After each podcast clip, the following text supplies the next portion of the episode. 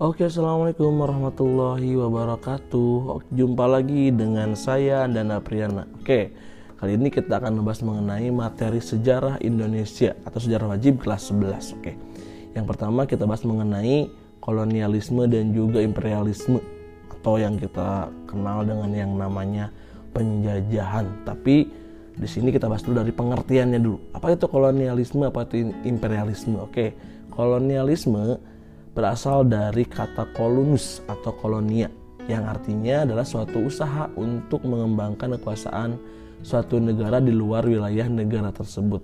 Nah, kolonialisme pada umumnya bertujuan untuk mencapai dominasi ekonomi atau sumber daya alam, sumber daya manusia dan juga perdagangan di suatu wilayah. Sedangkan yang namanya imperialisme adalah usaha memperluas kekuasaan suatu negara untuk menguasai negara lain.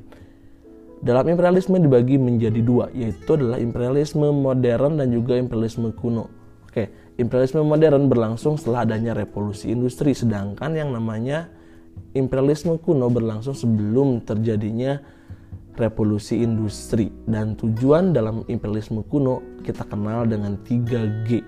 Yang pertama gold, glory, dan juga gospel. Nah, itu adalah berhubungan dengan imperialisme keduanya sebetulnya masih sangat erat kaitannya dengan penguasaan negara lain. Makanya kita mengenalnya yang namanya penjajahan dan Indonesia mengalami kolonialisme dan juga imperialisme. Oke, sebelum lebih lanjut kita e, membahas mengenai kolonialisme dan juga imperialisme, kita lihat dulu berhubungan dengan yang namanya latar belakang. Apa sih yang latar belakangi munculnya kolonialisme dan juga imperialisme?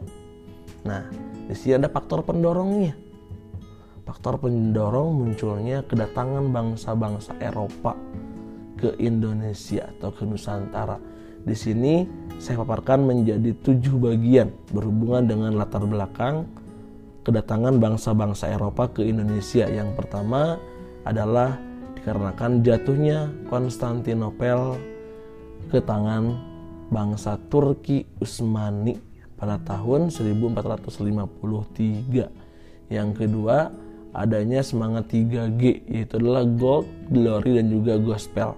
Yang ketiga, kemajuan ilmu pengetahuan dan juga teknologi. Yang keempat, keinginan untuk membuktikan bahwa bumi itu bulat sesuai dengan teorinya Kopernikus yang didukung oleh Galileo Galilei.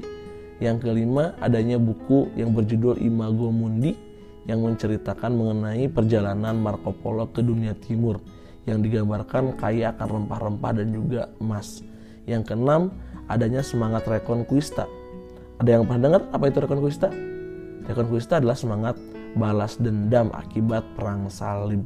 Yang ketujuh, keinginan untuk mencari daerah penghasil rempah-rempah. Itu adalah latar belakang munculnya bangsa-bangsa Eropa ke Nusantara atau ke Indonesia.